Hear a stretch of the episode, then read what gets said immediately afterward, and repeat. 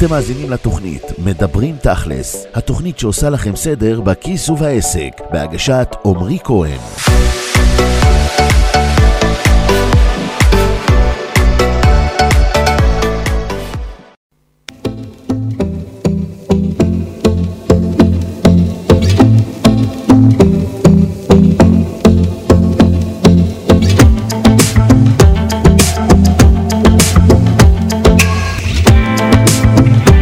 אתם מאזינים לתוכנית שורת הרווח, מפת הדרכים למצוינות עסקית, בהגשת רואה החשבון איתי ארגמן.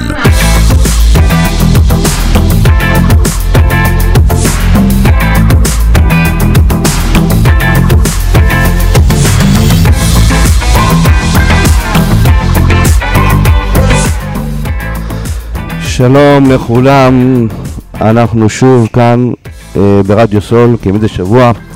היום יום מיוחד, היום לארח את עמרי כהן, מי שכבר אה, מזמן כבר יצא איתו קשר בשביל שישתתף בתוכנית שלנו, כי ראיתי אותו כמי שיכול באמת לתרום לנו המון מידע, כלים, מניסיון אישי.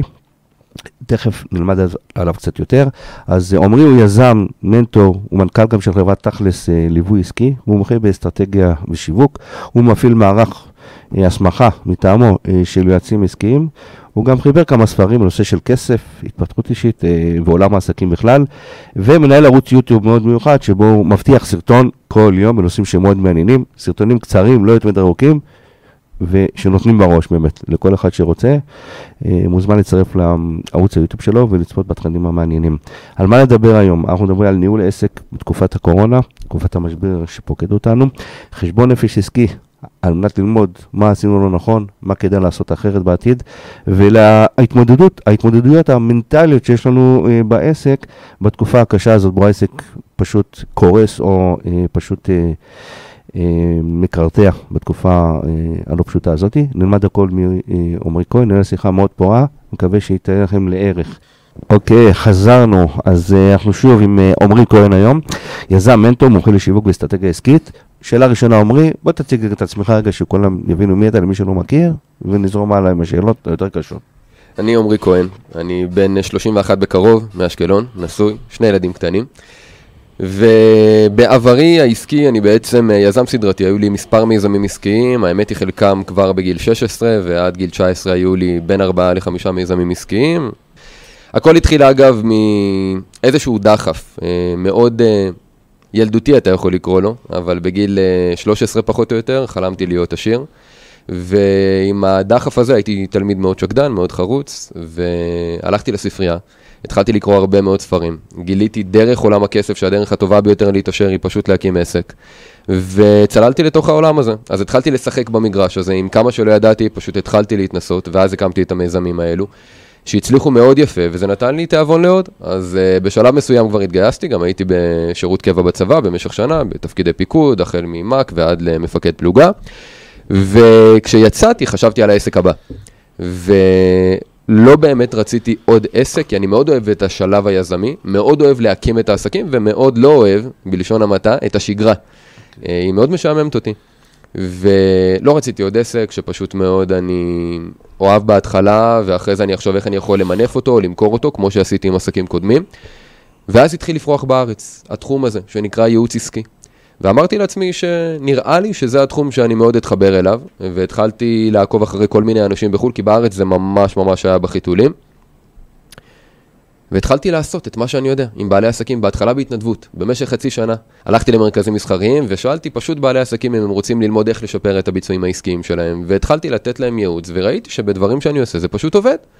ומאוד מהר הם שיפרו את הביצועים שלהם, אחרי זה כבר כל מה שביקשתי היה המלצות, והשמועה מפה לאוזן עברה מאוד מהר לשמחתי, והתחלתי פשוט לעבוד עם בעלי עסקים, התחלתי לבנות מוצרים של ייעוץ ותהליכי ליווי, בקונסטלציות כאלו ואחרות.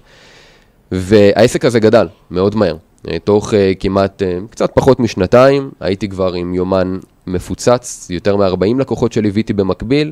התחלתי בתעריף של פחות או יותר 150 שקלים בשעה, הגעתי מאוד מהר לתעריף של יותר מ-1,000 שקלים לשעה, והביקוש עדיין עלה, עדיין גדל. ואז חשבתי על מה הדבר הבא שאני יכול לעשות, איך אני יכול להגדיל את העסק, אז כבר כמובן עברתי יותר מאלף ספרים שקראתי, עד היום אגב קראתי יותר מאלפיים ספרים ב-15 השנים האחרונות. יש לי מנהג, אני קורא שניים כל שבוע. כולם, אגב, לא סיפורת, אני לא בן אדם של סיפורת, רק של ספרי כסף, עסקים או התפתחות אישית, אלה שלושת תחומי המומחיות שלי. ופשוט צללתי לתוך העולם הזה תוך כדי שאני צובר הרבה מאוד ניסיון. מאז חלפו כבר יותר מאלף לקוחות שליווינו, יותר מ-80 תחומים עסקיים שונים. היום יש לי צוות של יועצים זכיינים בכל הארץ, שעוזרים לבעלי עסקים להרוויח יותר ולצמוח נכון.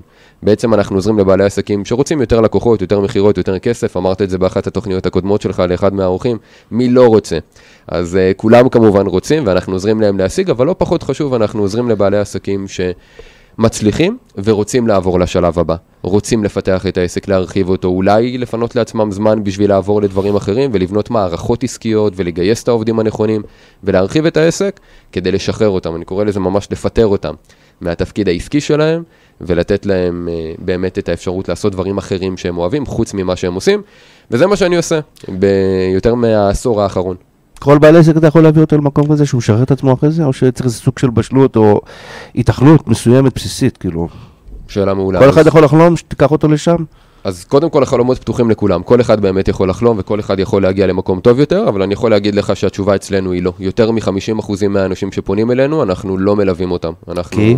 כי? כי קודם כל הם לא בשלים ברמה האישית. אה, זאת אומרת שמאוד יכול להיות שהם רוצים, אבל הם לא מחויבים באמת לרעיון. ותשמע, להקים עסק זה לא קל.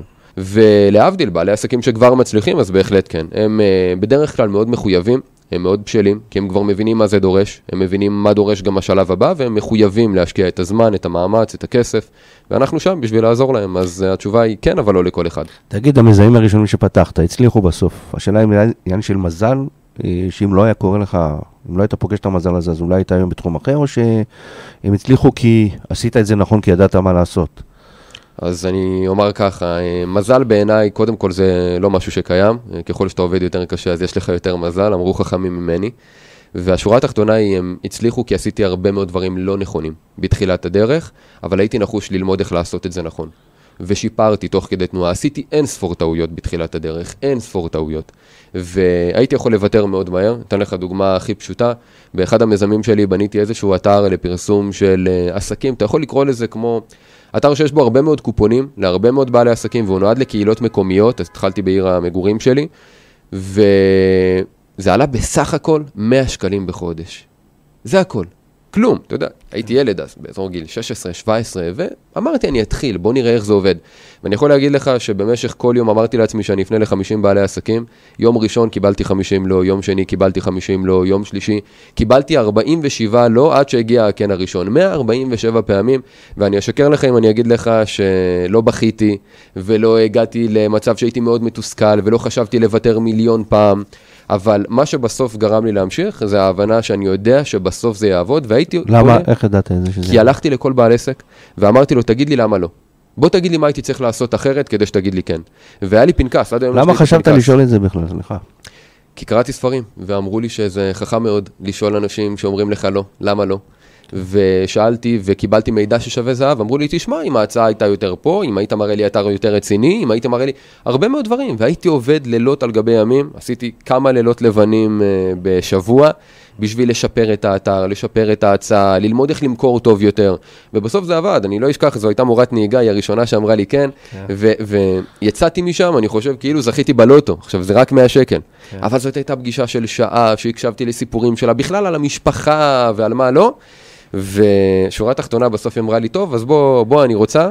והתחלתי, ומשם, באותו היום, לא עצרתי אחרי החמישים, אבל חזרתי הביתה עם עוד שמונה בעלי עסקים שאמרו לי כן, וזה נחרט בי עד היום, ומאז מבחינתי זה אחד הסממנים ל... לא משנה כמה לא תקבל בהתחלה, פשוט תעשה, בסוף יהיה כן, זה רק עניין של עד כמה אתה מוכן להתמיד. יפה, תובנה מדהימה לכל אחד, גם לאנשים מבוגרים שמנהלים עסק היום, לא רק מתחילים אותו. בטח בתקופה הזו. לגמרי נכון, לא מרימים ידיים. אמ, אז בואו נתקדם 14 שנה קדימה בערך, אנחנו בסיוע של משבר קורונה. יש שאומרים שהוא כבר מעבר לפיק, אבל הנזק המצטבר שלו בטח בשיא עכשיו. אה, עסקים רבים קורסים, אה, חלק יקרסו בטח יותר מאוחר, יש השפעות גם, אה, השפעות של פוסט משבר, כי אנשים אולי חיים על עדים עכשיו או על מענקים שמקבלים או הלוואות מהמדינה, אבל מתישהו הם הרגישו על בשרם שזה קצת יותר קשה ממה שהם חשבו. חלק מדשדשים ושורדים, וחלק האמת שלא נפגעו בכלל. איך בעל עסק היום, שלך, נראה מבחינת המבט שלך, איך עסק היום שבאמת דה פקטו חדל מלהתקיים, אה, צריך לקבל היום החלטות בהקשר של העסק שלו? תראה, קודם כל בוא נאמר שיש דווקא עסקים שבתקופה הזו צומחים, ואני לאו דווקא מדבר על עסקים בתחום המשלוחים, או דברים שבאמת התקופה הזו הפכה אותם לנחוצים. אני מדבר על יזמים בנפשם. התקופה הזו מבחינתי, היא יוצרת הבחנה מאוד ברורה בין מי שהם יזמים באמת, לבין מי שהם מתיימרים להיות יזמים. כי יזם, במהות שלו, הוא צריך לקרוא את המציאות, להסתגל אליה מאוד מהר, וליזום, ליצור דברים חדשים. ולכן העסקים שמצליחים, אני יכול להגיד לך אצלי ברמה האישית, אנחנו מדברים הרי על בעלי עסקים, זה הקהל שלי. כן. הם נפגעו. רק מחקרים ראשוניים מראים שעד סוף השנה ייסגרו יותר מ-80 אלף בעלי עסקים, שזה כמעט פי שתיים ממה שנסגרים בשנה רגילה. הרבה מאוד, הרבה מאוד אנשים שהחלומות שלהם נגדעים, אולי אפילו באיבם. אבל השורה התחתונה היא שיש הרבה מאוד בעלי עסקים, ומגיעים אלינו לקוחות כאלו, שפשוט יודעים להמציא את העסק מחדש, עם כמה שהקלישאה הזו נשמעה מיליון פעמים, זה מה שנדרש. והרבה מאוד אנשים אמרו לי, תשמע, מה הקורונה הזו עשתה לנו? מה הקורונה הביאה, איזה מגמות חדשות היא הביאה לכאן? אני תמיד אומר, הקורונה לא הביאה שום מגמות חדשות. היא פשוט העצימה מגמות קיימות. הרי העניין של הדיגיטל, הוא היה גם לפני הקורונה. עכשיו זה פשוט בהילוך 60 מה שנקרא, אז הקורונה לא הביאה מגמות חדשות, היא פשוט גרמה לאלה שאולי נשארו מאחור לרוץ קדימה להטמיע אותם ולהסתגל. בכוח, אם לא... בדיוק, בדיוק. והמשבר הזה פשוט אמר לבעלי עסקים, תחשבו איך לאור המציאות החדשה, אתם יכולים לפתח מוצרים שונים, אולי אפילו ברמה הכי פשוטה, לעבור לדיגיטל. הרבה מאוד נותני שירותים, לא הייתה להם שום בעיה בכלל. תעברו לדיגיטל. אז יגידו לך, רגע, אבל לאנשים אין כסף, קשה יותר. זה לא נכון. זה למה לא נכון? המשק מתכווץ, אנשים מוצאים פחות, גם חוששים מהעתיד, ממה שיהיה, חוששים. מפיטורים גם, וזה משפיע על כולם בסוף. אנשים אה, קופצים ידיים, מה שנקרא, מוצאים פחות, לפי דעתי, כשאני רואה את זה, אז... אה, אגב, יש עסקים שהם ממש סגורים, נעול ובריח. ראית את אני- הקניונים שפתחו עכשיו? ממש עכשיו. ראית את ראיתי הנירה? את ה- ראיתי את הנירה, כן. איפה כל האנשים שאין להם כסף? ראית את האנשים שרק פתחו את האיים הירוקים בארץ? כמה חופשות אנשים יוצאים? אז ברור שיש את האנשים שאין להם, נכון. ואת ה- וברור שיש את האנשים שיש להם. וברור לי מה רוצים להראות לך גם. בדיוק, בדיוק. תקשורת מראה לך. נכון. וזה לא אומר שאין אנשים שהם במצב בעייתי מאוד, יש הרבה מאוד כאלו, הרבה מאוד אנשים שבאמת נקלעו למצב בעייתי, אבל יסלחו לי אלה שאני אבוא ואני אגיד, זו בעיה שלכם, אבל זו הגישה שלי, זו בעיה שלכם. למה זו בעיה שלכם? כי גם אמנים, שאתה יודע, אצלם באמת סגרו את הכל. אז הנה, בוא תראה גם את האמנים הגדולים, בוא נקרא לזה. עכשיו ראיתי בדיוק כתבה אתמול על יובל המבולבל, חזר לעשות מסיבות ימי הולדת לעשרה ילדים. אז אם הגדולים חוזרים לעשות את זה, הנה, זה יזם, זה ממציא את עצמו מחדש. הוא אמר, בניתי אתר חדש, לקחתי תכנים שהיו בכל מיני מקומות, ועכשיו אני מנגיש אותם. זה יזם. זה מה שצריך לעשות. ומנגד, כן, יש את האמנים שבוכים על סגרו לנו את התיאטראות ואת הקולנוע, בסדר. אז זה בדיוק מה שעושה את ההבדל בין מי שיזם לבין מי שלא. בין מי שלוקח אחריות על החיים שלו ויודע להמציא את עצמו מחדש, לבין אלה שמעדיפים לשחק אותה את הקורבן. ותמיד אפשר להאשים את הממשלה, זה הכי קל. נכון. אבל אתה לא רוצה, אתה לא רוצה להגיע לשם. תגיד לי, יש כאלו שכמו שאמרת, לא נפגעו אפילו צומחים. השאלה אם, אה, בוא נגיד, בוא נגיד לא צומחים, אבל ממשיכים את הפעילות שלהם כרגיל. אולי אפילו באמת המחזור ההכנסות שלהם עולה. הם גם צריכים לעשות סוג של אה, חשבון נפש או ללמוד משהו מהתקופה הזאת ולא לנוח על זרי דפנה ולהגיד, אני לא נפגעתי, אמשיך כרגיל. הם צריכים לחשוב גם בכיוון של התקופה הזאת גם משפיעה עליי, בוא נראה איך אני מנצל אותה למשהו נוסף, אחר. בהחלט כן. כי כן. תראה, בסוף יש שני דברים שאתה יכול ללמוד מהם הכי הרבה. אחד, זה ממה שלא עבד, ושתיים, זה ממה שעבד. אז יש את אלה שלא הצליחו, או שלא מצליחים להצליח כמו שהם הצליחו בעבר. הם צריכים להבין למה זה לא עובד לי. מה אני צריך לשנות, ללמוד מהכישלון, והשיעורים מכישלון הם לא פחות חשובים מאשר השיעורים מההצלחה. לעומת זאת, אלה שהצליחו, אני בתוכם, העסק שלי צמח הרבה יותר בתקופה הזו, ושוב אני אומר, אני עובד עם בעלי עסקים, אבל עדיין, אם אני יודע לכוון לבעלי העסקים הנכונים, שאני רוצה לעבוד איתם, ושאלתי את עצמי, מה קרה, חוץ מהמשבר, שאני עשיתי, שהביא לנו עכשיו את הצמיחה הזו. ואתה מגלה את התובנות האלו, ואתה תדע למנף אותן, והתובנות האלו יביאו לך הצלחה הרבה יותר גדולה. זה רק עניין של באמת להיות בעל עסק, של לחשוב, של להיות אסטרטג. אסטרטג זה להבין איפה אני היום, איפה אני רוצה להיות, ומה סוגר לי את הפער, וכל בעל עסק חייב להיות כזה. אה, אגב, משפט אחרון שאמרת, אני מאוד דוגל בו, אני משתמש בו הרבה. כי תמיד מסתכל על הפער הזה בין הפוטנציאל לבין מה שאתה עושה בפועל, ואני בדיוק שמה, בוא נסגור אותו. אה, אתה יכול להסביר על הטעויות הקריטיות שלנו, של בעלי העסקים, בתקופה הזאת, טעויות קריטיות בוודאי. שאולי כדאי להימנע מהן? בוודאי. אז קודם כל בוא נאמר שבעלי עסקים ברמה הכלכלית לא התכוננו למשבר. וגם ברמה האישית. אתה גם לא התכוונת בינינו, משבר כזה, מי התכונן? למה אני מתכוון? הכוונה היא שיש לך רזרבות פיננסיות למצב שאתה יודע שעלול לקרות משהו. וצריך את זה גם ברמה האישית, ולא רק ברמה העסקית, אבל אחת, על אחת כמה וכמה כשיש לך בעל עסק שיכול לצוץ מחר חוק חדש, אה, איזושהי הגבלה חדשה, אתה לא יודע מאיפה זה בא. אז אתה רוצה לדעת שיש לך את האפשרות לחסוך ולהתמודד עם זה. אתה יודע, אני ראיתי שפים מצליחים מאוד בארץ, כאלה שמופיעים בטלוויזיה, כאלה שהגיעו כן. להישגים מאוד מרשימים, ואחרי חודשיים בקורונה, הם אמרו שהעסק קרס והם נאלצים לסגור. עכשיו תגיד לי איך זה הגיוני. אם אלה, השפים המצליחים ביותר, הטובים ביותר, אם הם נפלו אחרי חודשיים, מה יגידו הקטנים? אבל הם אנשי מקצוע, זה מה שיש להם, רק את המקצוע שלהם.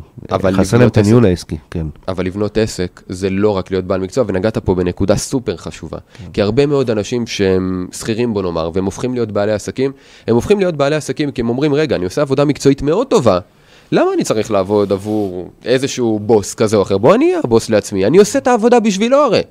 אבל זו טעות גדולה שבגללה נסגרים 80 או 90 אחוז מהעסקים, בדיוק בגלל הדבר הזה, בדיוק בגלל המניע הזה, כי להיות בעל עסק זה לא רק להיות בעל מקצוע טוב, זה הרבה יותר. זה להיות איש שיווק טוב, וזה להיות איש מכירות טוב, וזה להיות איש כספים טוב, וזה להיות מנהל טוב, ו- וזה כל כך הרבה דברים שהם רוב העסק.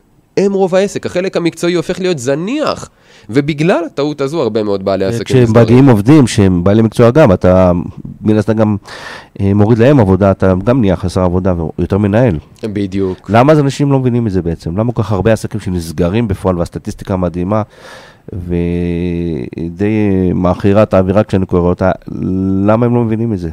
קודם כל, בגלל שיש תרבות uh, של uh, יזמות מאוד בריאה בארץ. אני לא נגד התרבות הזו בכלל, אני חושב שיזמים הם אלה שבאמת משנים את העולם, והלוואי וכל בן אדם היה יכול להיות יזם, אבל לא כל בן אדם יכול להיות יזם, זה עניין של אופי גם. ובעלי עסקים, שהופכים להיות בעלי עסקים, הם לא בודקים. אם הם באמת רוצים את העבודה העסקית, לא רק את העבודה המקצועית, הם בטוחים שביום שהם פותחים עסק, הם הולכים עכשיו לעשות רק את העבודה המקצועית שהם אוהבים, באמת אוהבים.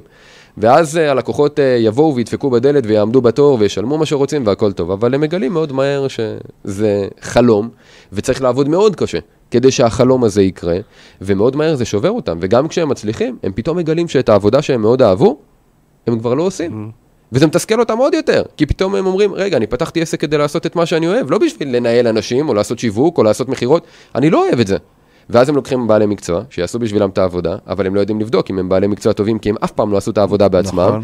ואז הם נופלים עוד פעם ועוד פעם, ואומרים, לא, בעלי מקצוע לא טובים, גרועים, אף אחד לא מבין שום דבר, וזה לא עובד, וזה לא עובד, ושורה תחתונה, או שהם פשוט מסכימים, במרכאות, לתוצאות הנמוכות שהם משיגים, או שפשוט מאוד הם מרימים ידיים, ורובם מרימים ידיים. אה, אה, או מתחילים מחדש איכשהו, כאילו. אני ראיתי את הסטטיסטיקות של, אה, בוא נגיד, אם אני זוכר נכון, אחת מהסטטיסטיקות, ש-50 עסקים בשנה נפתחים ו-40 נסגרים. אני מאמין שיש פה חפיפה בין הקבוצות האלו, לפחות של חלק נכון. מהעסקים. הם מנסים עוד פעם, כאילו... תגיד- אבל, כן. אגב, יש מחקרים יפים שמראים אם יזם שנכשל, הסיכוי שלו להצליח בעסק הבא, האם הוא גדול יותר מאשר יזם שבונה את העסק הראשון שלו. לדעתי, כן, יפה, וזאת הייתה ההנחה, כן. אבל גילו שההנחה הזו שגויה. כי... מסתבר שדווקא מי שנכשל פעם אחת, הסיכוי שלו להיכשל בפעם השנייה הוא גדול יותר מאשר יזם שרק מתחיל. איפה? בישראל או בכלל? בעולם, בעולם. סטטיסטיקה מעניין. עולמית, כן. סטטיסטיקה עולמית, לגמרי מעניין, כי אתה יודע, תמיד מדברים על כישלון, ועל תלמדו מכישלונות, ומי שנכשל יש לו סיכוי טוב יותר, ואני אומר, הנה, אתה נכשלת המון פעמים, אתה אומר, ולמדת מזה. לגמרי, אבל למדתי יותר כשהצלחתי.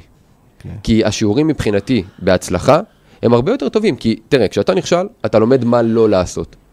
אבל אתה לא לומד מה כן לעשות, ומה כן לעשות, זה מה שיביא לך את התוצאות שאתה רוצה. אז אני לא אומר שהשיעורים מהכישלון הם לא חשובים, אבל אתה לא יכול להצליח בלעדיהם. אתה גם לא יכול להצליח רק איתם. אתה חייב את שני הדברים. אתה חייב ללמוד כשאתה נכשל, וללמוד עוד יותר כשאתה מצליח. אוקיי. תגיד לי, הצלחה עסקית, אגב, אני סוטה רגע מהשאלה הבאה שלי, הצלחה עסקית זה משהו שאתה רואה אותו כמדע מדויק, או יותר גם, צריך אולי, אתה לא מאמין במזל, אבל סוג של עוד פעם, נתונים בסיסיים, אקזוגנים שמתאימים לאופי ולתקופה או משהו כזה. כאילו, עד כמה באמת, באמת אתה מאה אחוז שולט על מה שיצא ממך. אז אני אומר ככה, ברמה העסקית, לבנות עסק מצליח, מדע מדויק מבחינתי.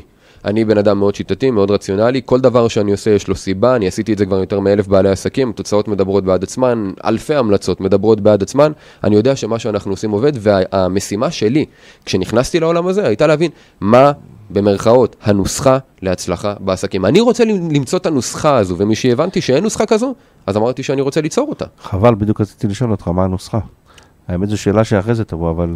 אז אני אומר לך גם, כן. אני, אני אפרט בשמחה. כן. והשאלה התחתונה... בוא נשאיר את זה רגע אחרי השיר, בסדר? בבקשה. שנייה. אז חזרנו לשאלה מעניינת, לפי השקפת עולמך, ומיטב ידיעותיך, אז נקדים את השאלה, אז מה באמת הסוד מבחינתך להצלחה העסקית. אמרת שזה יותר קרוב למדע מדויק, אז בוא נשמע רגע בכותרות. מה... מעולה. אז אני באמת אעשה את זה בכותרות, בגלל שמי שרוצה באמת, גם באתר שלי וגם בערוץ היוטיוב יש קישור להדרכה שאפשר לקבל לגמרי בחינם של 35 דקות, שם אני מפרט לגמרי איך עושים את זה בצורה מדויקת, אז מי שרוצה מוזמן, אפשר לחפש עמרי כהן בגוגל. עכשיו בוא נעשה את זה בכותרות. אז מבחינתי יש חמישה שלבים למדע המדויק הזה. השלב הראשון הוא קודם כל לגבש את הרעיון העסקי. ולמה הכוונה? בסוף כל עסק אמור לפתור בעיה. העסק אמור לפתור בעיה. צריך להבין מה זה אומר. אם למשל אני מטפל ואני עוזר לאנשים, אז אני רוצה לדעת איזה בעיות אני פותר. אם אני רואה חשבון, אני רוצה לדעת איזה בעיות אני פותר לאנשים. ברגע שאני יודע איזו בעיה, אני רוצה לבדוק איזה פתרונות קיימים כבר בשוק. ברגע שאני יודע איזה פתרונות קיימים בשוק, אני יודע מה מציעים, אני חייב להבין מה היתרון הייחודי שאני מביא לשוק. מה, מה שנקרא בשפה המקצועית, הבידול שלי. ול-99.9% מהעסקים אין בידול. בידול זה הסיבה לבחור בך ולא במתחרים שלך.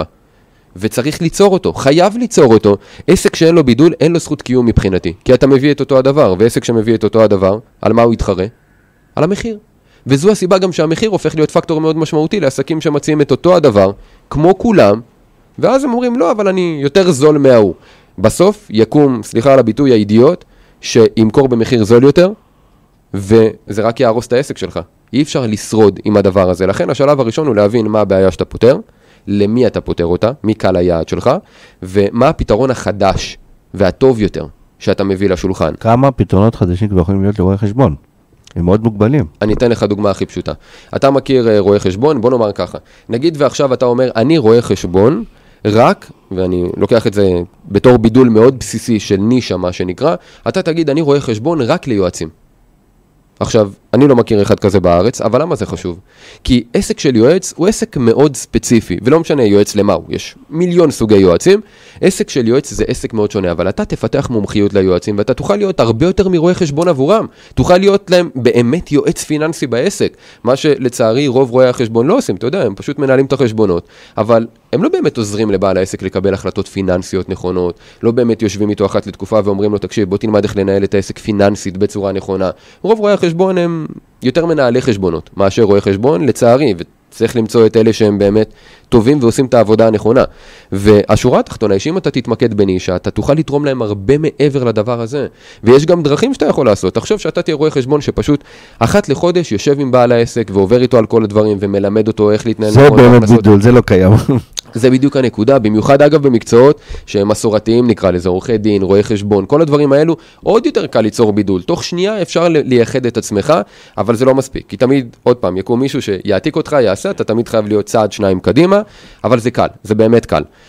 השורה התחתונה היא, אחרי שאתה עושה את זה, אתה מתחיל לגייס את הלקוח הראשון, פה אתה עובר לשלב הבא. once גייסת את הלקוח הראשון, יש משוואה אחת שצריכה להיות לך מול העיניים. ההכנסה שווה לכמות הלקוחות הפוטנציאליים, אלה שמעוניינים במוצר שלך, כפול אחוזי הסגירה, משמע כמה מתוכם הופכים להיות מלקוחות פוטנציאליים לקוחות משלמים, ואחר כך כפול ההכנסה הממוצעת מלקוח. משמע כמה כסף משאיר אצלך כל לקוח, אתה רוצה שכל לקוח יוציא אצלך כמה שיותר, אבל לא כי אתה מוכר לו דברים שהוא לא צריך, אלא כי אתה נותן לו עוד פתרונות לבעיות שיש לו, ואתה נותן לו באמת ערך אמיתי. המטרה שלך זה להגדיל את כל אחד מהמשתנים האלה, להביא יותר לקוחות פוטנציאליים, לשפר את אחוזי הסגירה כדי להפוך כמה שיותר לקוחות פוטנציאליים ללקוחות משלמים, ולהבין איך למכור יותר דברים שהלקוחות רוצים לאותו לקוח, כדי שכל אחד ישאיר כמה שיותר כסף. ברגע שאתה מכניס כמה שיותר כסף, ואגב, לכל הדברים שאמרתי עכשיו, איך להביא יותר לקוחות פוטנציאליים, איך לשפר את אחוזי הסגירה, איך להגדיל את ההכנסה הממוצעת מלקוח, גם לזה יש לנו שיטה מאוד ברורה, אני מדבר על זה בהדרכה, מפאת קוצר זמן פשוט לא ניכנס לזה פה. אבל שוב, מי שמעניין, יכול לחפש בגוגל, להוריד את ההדרכה לגמרי בחינם. השורה התחתונה היא שאחרי השלב הזה אתה מכניס מספיק כסף. יש לך עכשיו מספיק כסף לא רק כדי לכלכל את עצמך כבעל העסק, אלא להתחיל לגייס את העובד הראשון. ברגע שאתה מגייס עובד, אחת הטעויות שרוב בעלי העסקים עושים, היא להביא את העובד ולהגיד לו, הנה מה שאני רוצה שתעשה בהצלחה. וזאת הטעות הגדולה, כי כשאתה מביא עובד, אתה צריך לתת לו סיסטם, מערכת. למה אני מתכוון? תחשוב על שף ומתכונים. אם אני אביא לך מתכון, ואתה תעשה אחד לאחד את מה שהשף עשה, אתה תקבל בדיוק את אותו המאכל שהוא עשה. ואין פה שום דבר שיהיו כאלה שיגידו, יש לו את הטאצ' האישי, או כל מיני דברים כאלה, שטויות. אפשר הכל למדוד עד לרמת המיליגרם. אם אתה תעשה את הכל בדיוק כמו שהוא עושה, אתה תקבל את אותה תוצאה, זו תוצאה בלתי נמנעת, זה מה יש. ולכן ברגע שעושים את הדברים האלה ומבינים איך, מה הסיסטם של השיווק, מה הסיסטם של המכירות, מה הסיסטם של הגדלת ההכנסה, מה הסיסטם הפיננסי, מה הסיסטם הניהולי, ובונים את הסיסטם הזה. ואז מביאים עובד שיש לו את החוזקות הנכונות, וחוזקות אלה כישרונות טבעיים, הם מולדים. לא כל בן אדם יכול להיות כל דבר. יש בן אדם שהוא טוב במכירות ויש בן אדם שהוא לא, יש בן אדם שהוא טוב בשיווק ויש בן אדם שהוא לא, יש בן אדם שהוא טוב בניהול ויש בן אדם שהוא לא, וכל בן אדם, כולל היזם עצמו, כולל בעל העסק, חייב לדעת במה הוא טוב ובמה הוא לא. בשביל להביא אנשים שישלימו אותו במה שהוא לא טוב, וכדי שהוא ייקח את החוזקות שלו למקום הרבה יותר גבוה ממה שהם כבר היום. יש גישה שאומרת, בוא תבין במה אתה טוב ובמה אתה לא טוב, את החוזקות שלך עזוב, יופי, אתה כבר טוב בהן, ובוא תעבוד על החולשות שלך. זו הנחה שגויה לחלוטין, כי הדבר הנכון היום, וגם מחקרים תומכים במה שאני אומר עכשיו, היא דווקא לקחת אנשים שטובים במה שאתה חלש, ושהם יעשו את העבודה, ואתה תיקח את החוזקות שלך ל-level הבא. לשלב הבא, תעצים אותן ככל שניתן, וזה ייקח אותך לרמה של גאון במה שאתה עושה. אז ברגע שאתה עושה את זה ואתה בונה את הסיסטם בכל אחד מהתפקידים, אתה מגיע למצב שיש לך עסק שעובד עם הערכות, שכל מערכת מייצרת תוצאה צפויה, זאת אומרת, אם אני מפעיל את המערכת השיווקית, אני מקבל לידים איכותיים, בשלים, מחויבים. אם אני מפעיל את מערכת המכירות עם הבן אדם הנכון, הוא הופך לי לקוחות פוטנציאליים ללקוחות משלמים וכדומה.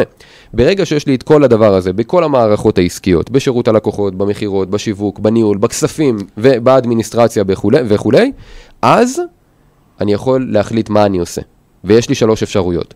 או שאני אמשיך לנהל את העסק, בהנחה שיש לי את הכישרונות האלו ואני אוהב את זה, ולא באמת פתחתי את העסק כדי לעשות את מה שאני אוהב, ושוב, בהמשך לטעות שדיברנו קודם, ואז אתה פשוט ממשיך להצמיח את העסק, קהלים חדשים, מוצרים חדשים, נישות חדשות, מה שאתה רוצה.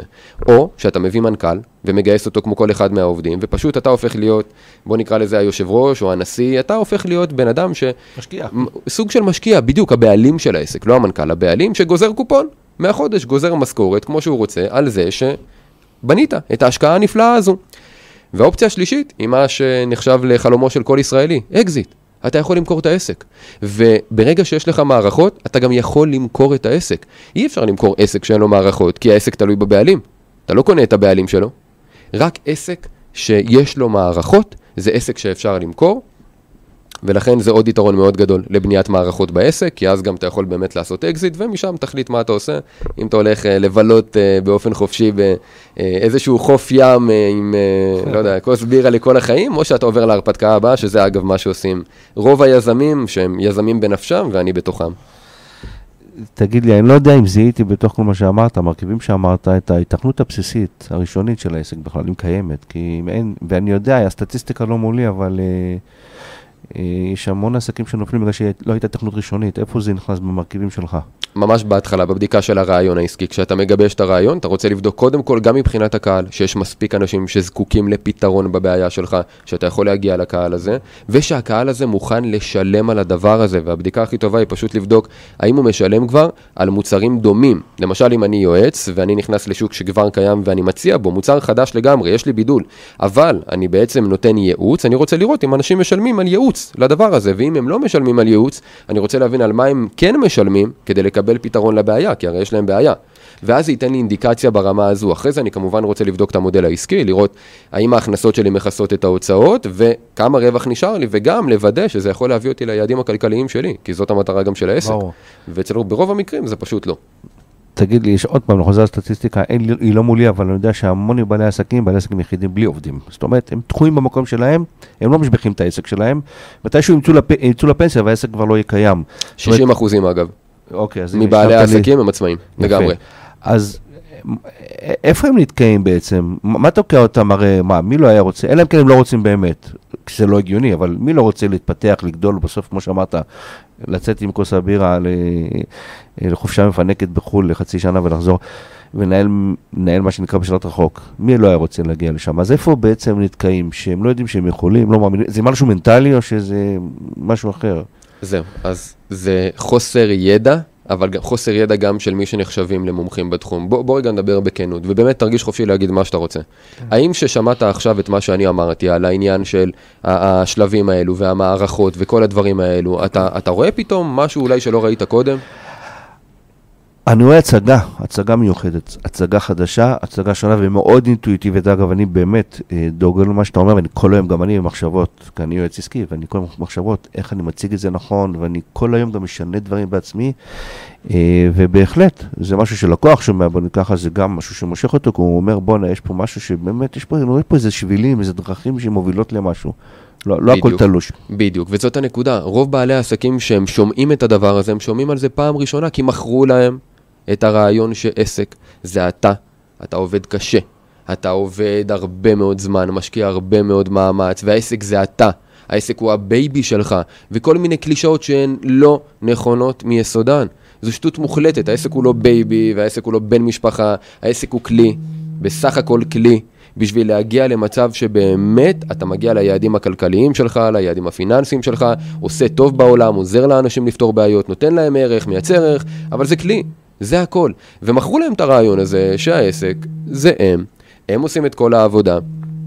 הם צריכים להיות בעסק כל הזמן, ובגלל זה הם ממשיכים להיות אלה שמנהלים את העסק, ובאמת, כמו שאמרת, כשהם יוצאים במרכאות לפנסיה או מה שזה לא יהיה, כי הרי מן הסתם אין פנסיה לעצמאים, גם עכשיו אולי כן, התחילו, אבל בוא נראה כמה זה יחזיק בדיוק. ואגב, מה שמדהים, שהם לא רוצים בזה אפילו. זה כאילו, אני שומע את השלום, הם אומרים, בוא, מה העמיסו לנו את ההוצאות האלה? אבל זה בדיוק הנקודה, כי הם חושבים לטווח הקצר, כן, וזאת כן, גם כן. הבעיה, כי אם הם היו חושבים לטווח הארוך, הם גם היו בונים עסק שיכול לעבוד לטווח הארוך, ובלעדיהם בלעדיהם, אבל הם לא, הם מפוקסים בטווח הקצר, אז הם חושבים על זה כעוד הוצאה, כי הם גם ככה בקושי גומרים את החודש, אז מה יפילו עליהם פנסיה עכשיו? אז העניין הוא מנטלי בעצם? העניין הוא חוסר הבנה, ואחרי זה גם מנטלי, כי יש הרבה מאוד אתגרים אישיים בתהליך שאמרתי. אני יכול להגיד לך שאחד האתגרים הכי גדולים אצלי, היו פשוט ללמוד לשחרר ולסמוך על אנשים. היה לי כן. מאוד קשה, גם רוב בעלי העסקים שפותחים עסק אומרים, אני בעל העסק, אני יודע לעשות את העבודה הכי טוב שיש, אף אחד לא יודע לעשות את זה כמוני. זה נכון אולי. אז, אז אני אומר, תמיד יש מישהו שעושה את זה טוב יותר ממך, כי הוא מומחה בזה ואתה כרגע עושה הכל. אז זה איזשהו שיגעון גדלות כזה, וגם משהו שמטפח את האגו האישי שלנו, של כל אחד, אבל יזם בשלב מסוים צריך לבוא, להסתכל במראה ולהגיד, אני לא טוב בהכל, נקודה. יש דברים שאני טוב בהם, ויש דברים שאני לא טוב בהם. אני אמרתי לך את זה ככה בזמן ששמענו שיר, אני לא טוב בלנהל אנשים. אני לא טוב, אני לא בן אדם של אנשים, אני בן אדם של סיסטם, של מערכות, של אסטרטגיה, אני בן אדם אנליטי. ולנהל אנשים, אתה צריך להיות בן אדם הרבה יותר אמפתי, ובן אדם שהוא יודע לקרוא אנשים ומחבר אותם לדברים הנכונים, ויש לי את הכישורים האלו גם, למשל, במכירות. אני חושב שאני אחד מאנשי המכירות הטובים בישראל, אם לא בעולם, כי אני פשוט סוגר את תשע מתוך עשר עסקאות. אין תוצאות כאלו, זה פנומנלי.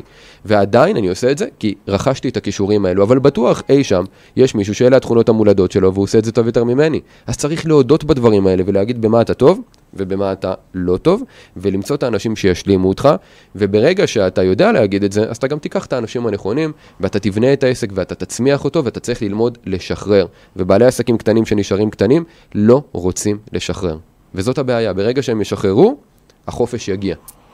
אוקיי, אז אני אחזור לו סטייה של איזה 20 דקות מהליינאפ, אני אחזור אליו רגע, ואני אתחיל לברר את השאלות שלי למובחרות ביותר, כי הזמן עוזב כמו תמיד, ואצלך במיוחד אגב.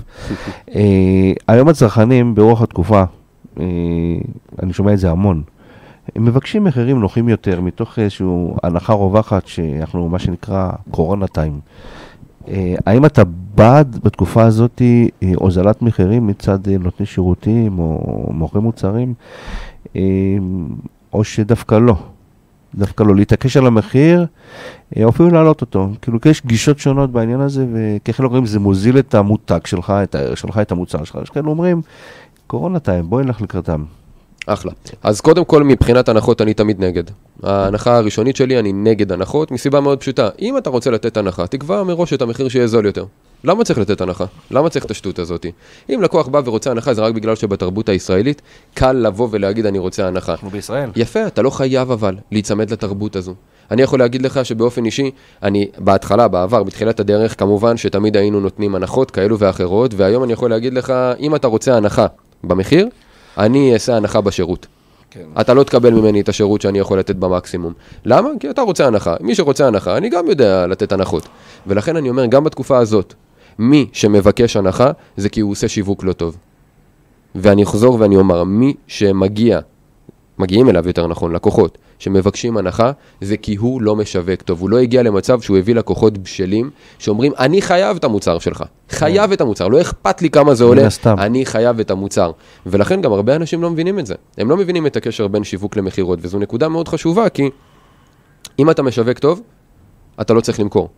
השיווק עושה את עבודת המכירה. אבל ככל שבעלי עסקים, אלה ששומעים אותנו עכשיו, אומרים, מה פתאום, קשה לי למכור, ואומרים לי יקר לי, ואני צריך לחשוב, ואני מתחיל למצוא כל מיני סקריפטים ותסריטים והתנגדויות, וממציא את עצמי מחדש, איך לנטרל את ההתנגדויות האלו? שטויות. עצם העובדה שהלקוח הגיע להתנגדויות אומר שלא מכרת כמו שצריך, ועצם העובדה שהיית צריך למכור ללקוח אומר שאתה לא עושה שיווק כמו שצריך. אם היית עושה שיווק כמו שצריך, הלקוח היה מגיע ואומר, תקשיב, אני רוצה את המוצר שלך, לא משנה כמה זה עולה, ואני אומר את זה מניסיון גם שלנו, ככה אנחנו עובדים, אני אומר רק מה שאנחנו עושים, וככה אנחנו מביאים את הלקוחות שלנו למצב שמי שמגיע אליהם, אומר להם, תקשיב, לא מעניין אותי המחיר, אני פשוט רוצה את זה ואני רוצה את זה ממך. וזה היתרון, וזה ביחד, של, שילוב של כל המרכיבים, של הבידול ושל השיווק ושל תהליכי המכירה, זה הכל. עסק, כמו שאמרנו, מדע מדויק, וכמו במשוואה, אם יש בעיה באחד מהמשתנים, כן. כל המשוואה נופלת. וככה זה גם כאן. טוב, אני יוצא לשיר בפעם הראשונה, רק בשביל הסיבה שאני חייב לדעת מה אני שואל אותך אחרי זה, אוקיי? בבקשה. אה, ומיד נמשיך. אוקיי, אנחנו ממש לקראת סיום. אה, תגיד לי, עמרי, שאלה שרשום לי פה, שמעתי אותך פעם אחת לדבר על זה, וזה משהו שרלוונטי לכולנו במישור אישי ובמישור העסקי גם. אנחנו כל הזמן דוחים, דוחים משימות, מטלות. איך יוצאים מהלופ הזה שלא נגמר? איך חותכים את זה? קודם כל אני יכול להגיד... נדבר על המלצות פרקטיות רק. בוודאי, כמו תמיד. אז קודם כל אני יכול לומר לך שמי שדוחה זה אומר שזה לא חשוב לו מספיק. אז דבר ראשון, לגזור מההתחלה מה אני רוצה להשיג ולמה זה כזה חשוב לי. דבר ראשון, זה בסוף, מי שדוחה, זה בעיות, אפשר לקרוא לזה מוטיבציה, אבל זה בעיות באמת של אני לא מבין בכלל למה אני צריך לעשות את זה, ואז אתה דוחה. אז דבר ראשון, להבין מה אתה רוצה ובאופן ספציפי, לא להגיד לי אני רוצה להכניס יותר כסף. כמה כסף ולמה, מה תעשה בכסף הזה? האם באמת זה יממן לך את החופשה הבאה, את הלימודים לילד, מה זה יעשה? שיהיה לך באמת מוטיבציה פנימית חזקה. דבר שני, לא לדבר בסגנון של פרויקטים. למה הכוונה? אני צריך אה, להקים קמפיין. אתה לא באמת צריך להקים קמפיין. מה אתה צריך לעשות? אני צריך לכתוב את הטקסט למודעה, אני צריך למצוא תמונה רלוונטית למודעה, תכתבו את זה בצורות פרקטיות, כי לפעמים המוח שלנו, כשהוא מקבל פרויקטים ברמה של להקים קמפיין, הוא לא מבין מה זה. ואז כשיש לך חמש דקות פנויות שיכולות להספיק לך אולי למצוא איזושהי תמונה, אתה לא עושה את זה, כי מבחינתך זה להקים קמפיין. לא גדול, רלוונטי. גדול עליי מדי ברגע אחד לעשות הכל. בדיוק, ואתה גם לא סגור על המשימה הבאה. ברור. אז אני קורא לזה פרויקטים, כי פרויקט זה כמה משימות. אז לא לכתוב רשימת משימות של פרויקטים, אלא לרדת לרזולוציה מאוד מאוד מאוד נמוכה. דבר שני, להחליט כל יום, לפני שאתם קמים בבוקר, מהם שלושת הדברים הכי חשובים שאני רוצה להשיג היום.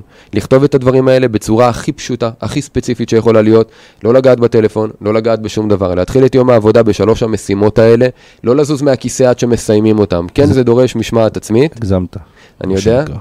אה, אבל זה רק שלוש משימות, והן חשובות, ואתה יודע שזה ספציפי, זה באמת, כל משימה יכולה לקחת גם חצי שעה, שעה, לא משימות גדולות, אבל אתה יודע מה יקרה אם אנשים באמת יתכננו מראש, וכל יום יעשו רק שלוש משימות, ומה שאתה אומר, זה בדיוק הבעיה של הרבה בעלי עסקים, הם נשאבים לשגרה, הם לא מתכננים, הם קמים בבוקר, מכבים שריפות, עושים את מה שהם עשו אתמול, מה, ש... מה שהם עשו שלשום, ואתה יודע, כמו הבדיחה של אה, בגבעת חלפון, 40 שנה לך תזכור, אותו הדבר, אותו סיפור. בסוף הם עושים את מה שהיה, מה שהיה. היה מה שהיה, הם עובדים בעסק, הם לא עובדים על, על העסק. העסק. ומי שלא עובד על העסק, תמיד יעבוד בעסק.